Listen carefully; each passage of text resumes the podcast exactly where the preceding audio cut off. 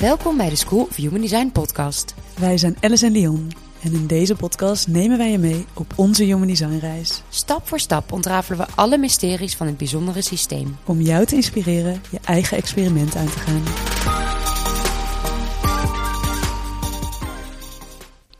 Hey lieve luisteraars, wij zitten weer klaar voor een gloednieuwe aflevering. En dit keer gaan wij praten over Human Design en bewustzijn. Maar voordat we beginnen, onze podcast wordt heel veel geluisterd. En daar zijn we heel, heel, heel dankbaar voor, heel blij mee. Oh, absoluut. We willen hier ook heel graag mee doorgaan.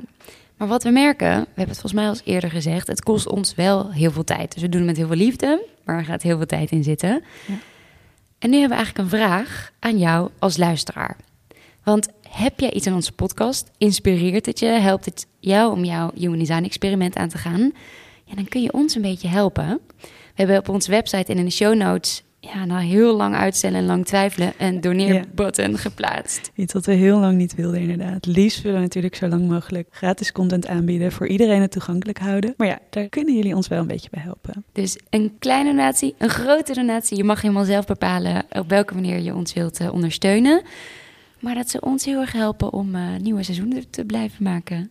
Ja, en dan door naar ons onderwerp voor deze week. Want waar onze podcast normaal gesproken bekend staat eigenlijk om de praktische insteek, is dat vandaag een klein beetje anders.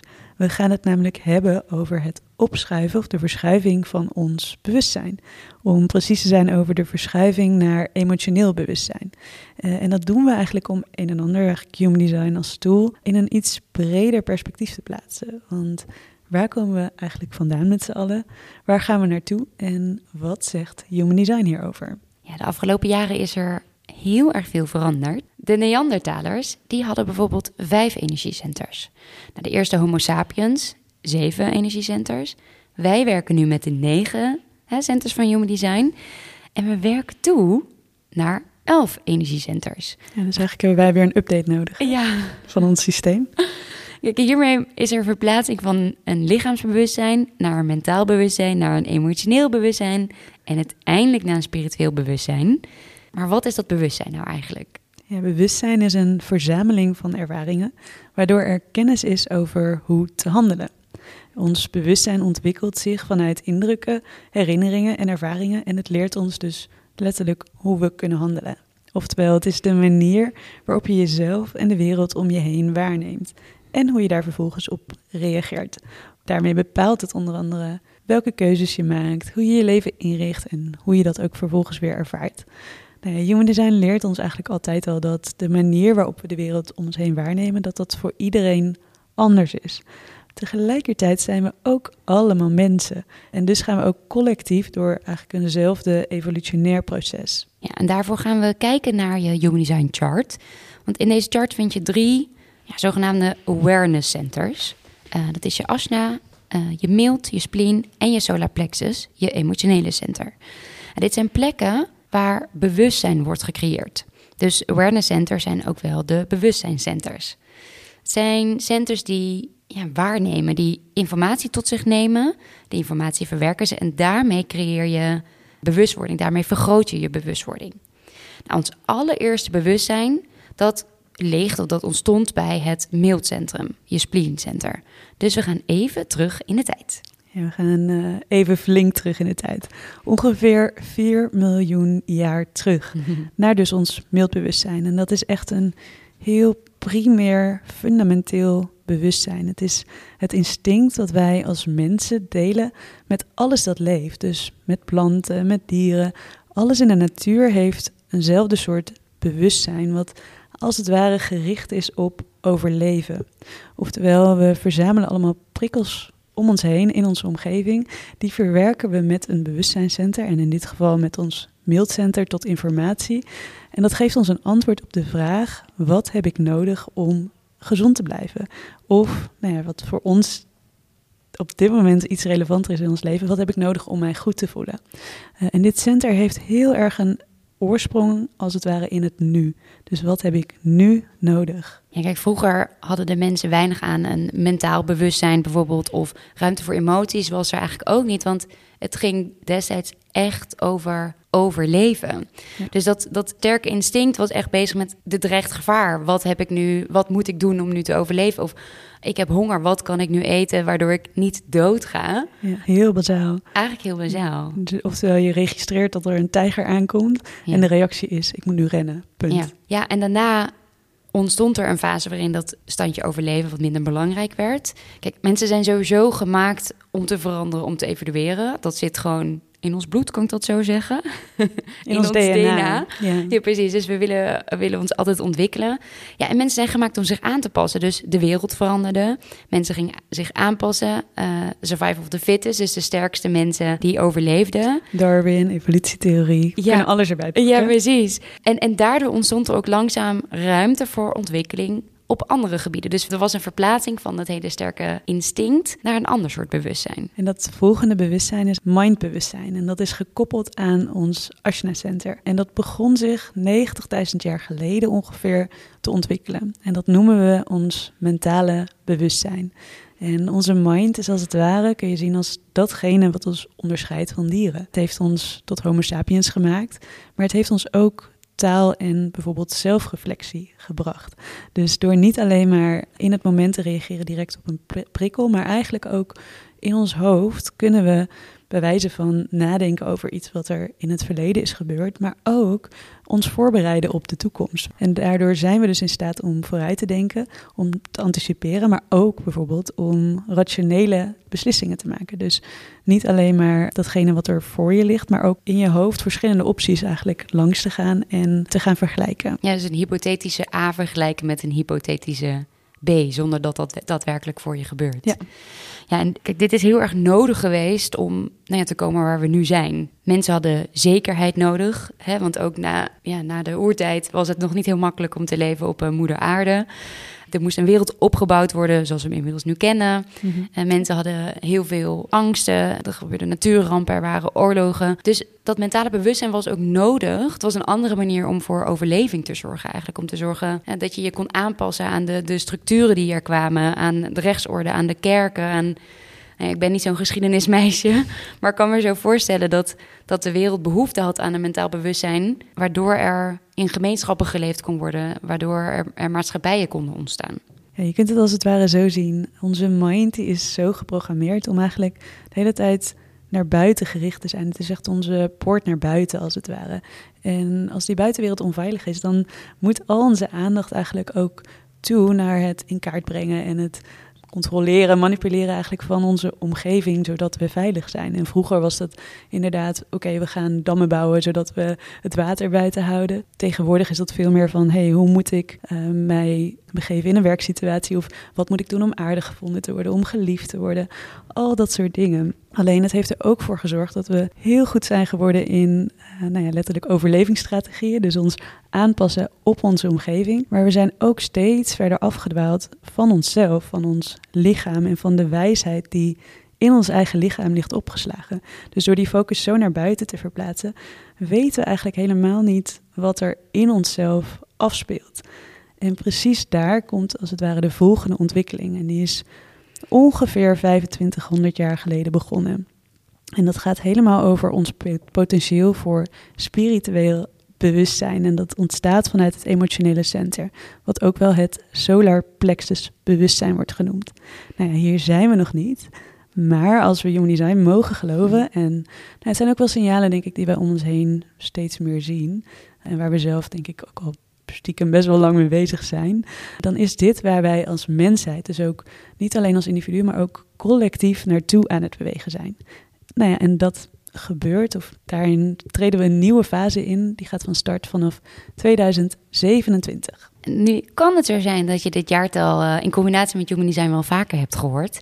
Er is van alles aan de hand met dat jaar 2027. Het is de start van een nieuwe cyclus. Um, ja, en we gaan daarbij bewegen van de cross of planning naar de cross of the sleeping phoenix. Nou, laten we zeggen, de afgelopen 400 jaar ongeveer stond heel erg in het teken van opbouw, van het neerzetten van systemen, van structuren. Ja, dat was echt nodig om als maatschappij te kunnen groeien. Ja, als je met zoveel mensen op een planeet leeft, dan moet je wel iets bedenken om ja, eigenlijk een beetje in toom te kunnen houden, om dat werkbaar Ja. te kunnen houden. We hebben, het, ja, we hebben het ook vaak over dat we enerzijds willen we ons heel erg afzetten tegen die structuren en systemen. En hebben er de laatste tijd ook steeds meer bijna persoonlijk of last van. Maar nou ja, dat het heel erg frustreert. En tegelijkertijd, ja, we kunnen daar heel veel mening hebben, over hebben en heel veel oordeel op hebben. Maar tegelijkertijd is het letterlijk nodig. Als je met heel veel mensen inderdaad op, Ja. op een stukje aarde leeft, die moet je ook op een bepaalde manier, nou ja, toch een bepaalde structuur meegeven. Want anders wordt het ook één grote tering, zo wilde ik Ja, zeggen. ja, ja, dat is ook zo. Het heeft ons superveel gebracht. Ja, maar wat alleen je- moeten we daar niet in doorslaan. Nee, nee, en wat je nu dus gaat zien ehm, met het, de start van een nieuwe cyclus, is dat we dus verplaatsen van die cross of planning naar de cross of the sleeping phoenix.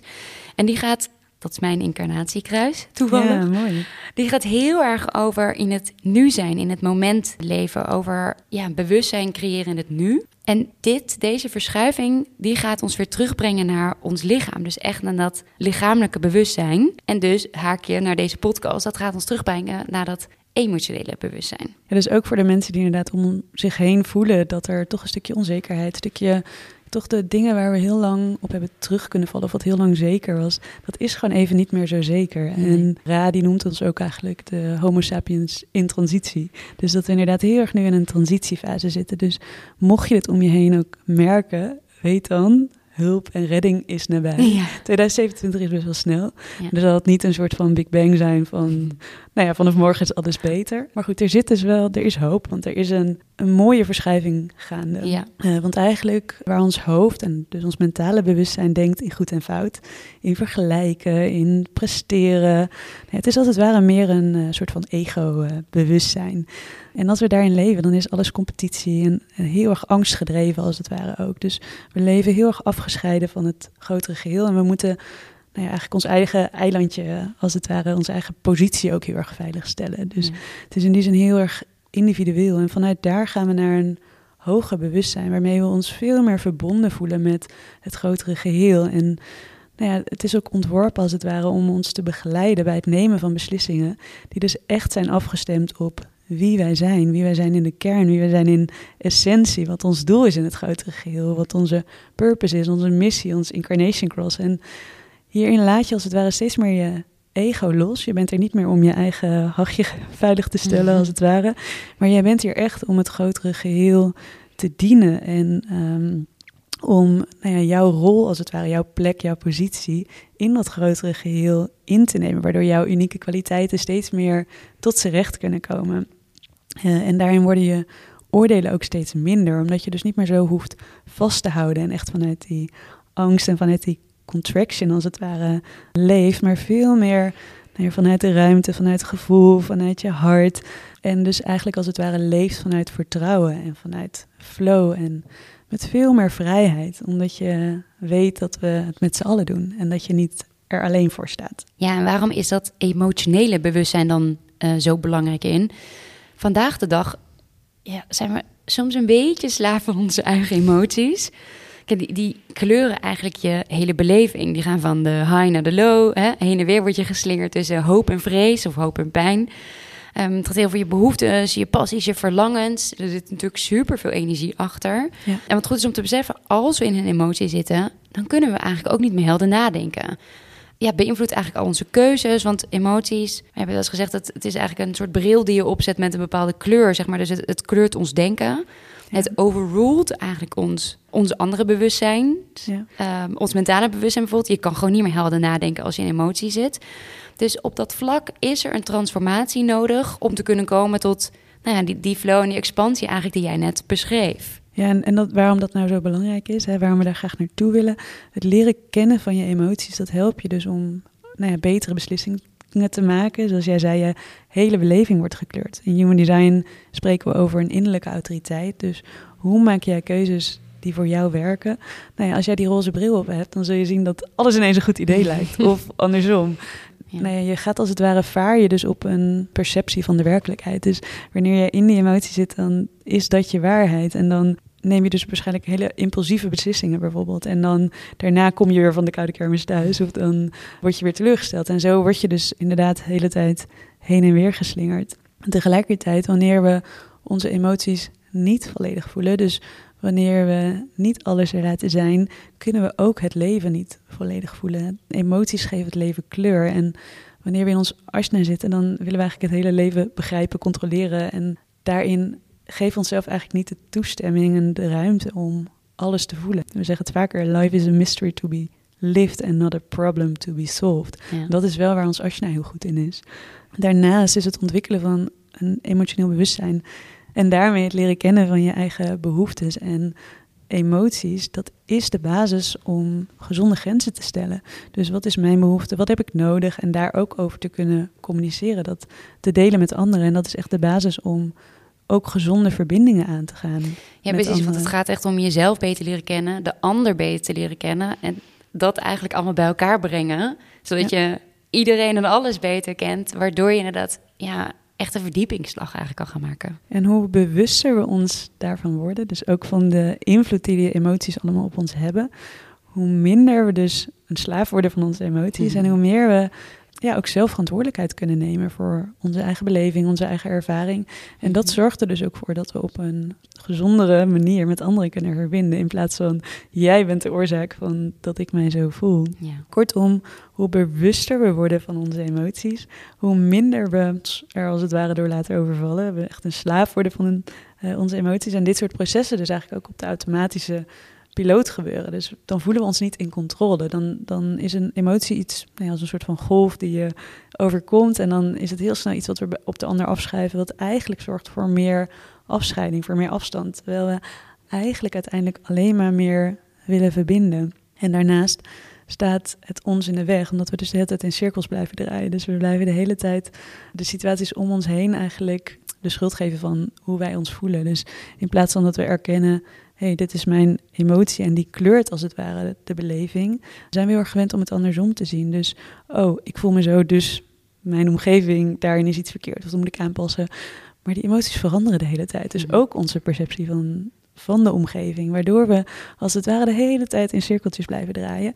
En alle wijsheid die zich in ons lichaam bevindt, ook gewoon niet op de juiste manier kunnen inzetten. En dit is precies wat we nou ja, eigenlijk met het Human Design mhm. experiment willen gaan bereiken. Ja, want dat experiment dat begint met ontdekken hoe jouw emotionele center eigenlijk gedefinieerd is. En wel goed om te zeggen, kijk, dit is niet bedoeld om je emoties uiteindelijk onder controle te krijgen, maar bewustwording creëren over je emoties en je emoties voor je laten werken in plaats van nou ja, uh, tegen je. Ja, daar zit de groei in, daar zit uh, de kracht in. En voordat Human Design in ons leven kwam, dachten we eigenlijk dat emoties voor iedereen op dezelfde manier werkten. Maar door nu naar je chart te kijken en te kijken, is mijn emotionele center wel of niet gedefinieerd? Ja, daar begint al het eerste stukje bewustwording. Daar kun je al zoveel informatie uit halen en heel veel kennis op doen. Uh, want is jouw emotionele center gedefinieerd, ja, dan heb je de emotionele wave waar je doorheen gaat. Dan weet je, je gaat van de high naar de low. Dat is een, een, een wave en een cyclus die je niet kunt beïnvloeden. Ja, en ze maken ook geen sens. Nee, dus hoe, hoe het heeft niet, geen oorzaak. Ja, we zijn zo geneigd om alles te willen verklaren, maar mhm. soms is dat gewoon niet zo. En dat al weten, dat, ja. laat al zoveel. Het kost, scheelt zoveel tijd ook. Ja. Want het kost zoveel tijd om de hele tijd al die verhalen die we erbij creëren. Ja. Creating drama noemen ze het ook wel. Dus dat je zoveel drama creëert eigenlijk. En dat alleen al loslaten is al een hele grote stap. Omdat je daarmee gewoon letterlijk tijd overhoudt voor dingen die er echt te doen. Ja, en andersom voor mensen uh, met een ongedefinieerd chat, zoals wat ik heb.